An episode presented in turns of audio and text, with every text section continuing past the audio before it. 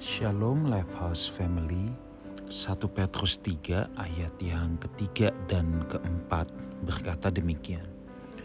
Perhiasanmu janganlah secara lahiriah yaitu dengan mengepang-epang rambut memakai perhiasan emas atau dengan mengenakan pakaian yang indah-indah.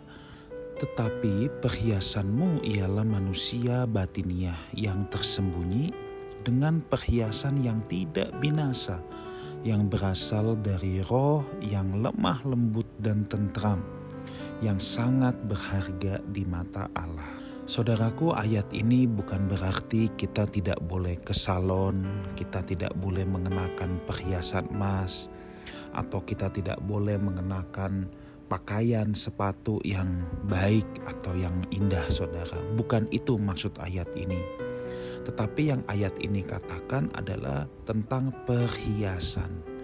Nah, apa sih yang dimaksud dengan perhiasan di sini? Perhiasan adalah sesuatu yang kita anggap berharga atau sering kali kita banggakan saudara ya. Perhiasan itu sering kali kita jadikan sebagai perlambangan siapa diri kita.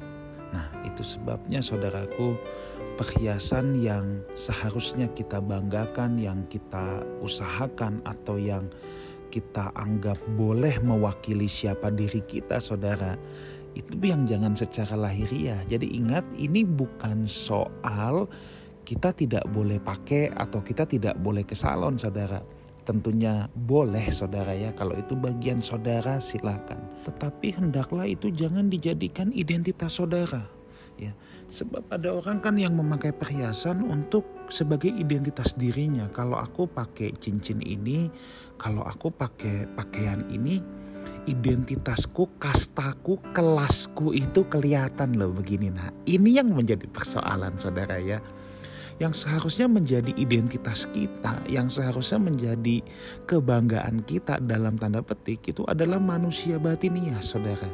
Itulah perhiasan yang tidak binasa yang berasal dari roh. Dan kenapa orang pakai perhiasan? Supaya dia kelihatan lebih menarik. Nah, di sini Alkitab berkata bahwa perhiasan manusia batinia itu yang sangat berharga di mata Allah.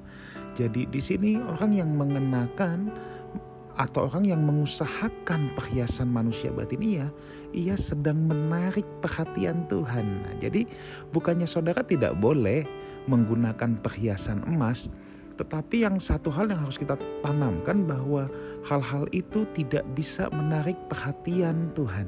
Ya.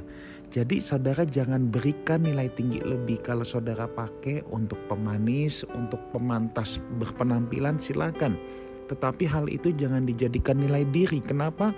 Sebab Tuhan tidak tertarik dan itu tidak ada harganya di hadapan Tuhan. Itulah sebabnya kita jangan menghargai berlebih apa yang tidak dihargai oleh Tuhan. Tetapi manusia batinia kita itulah perhiasan yang indah di hadapan Tuhan.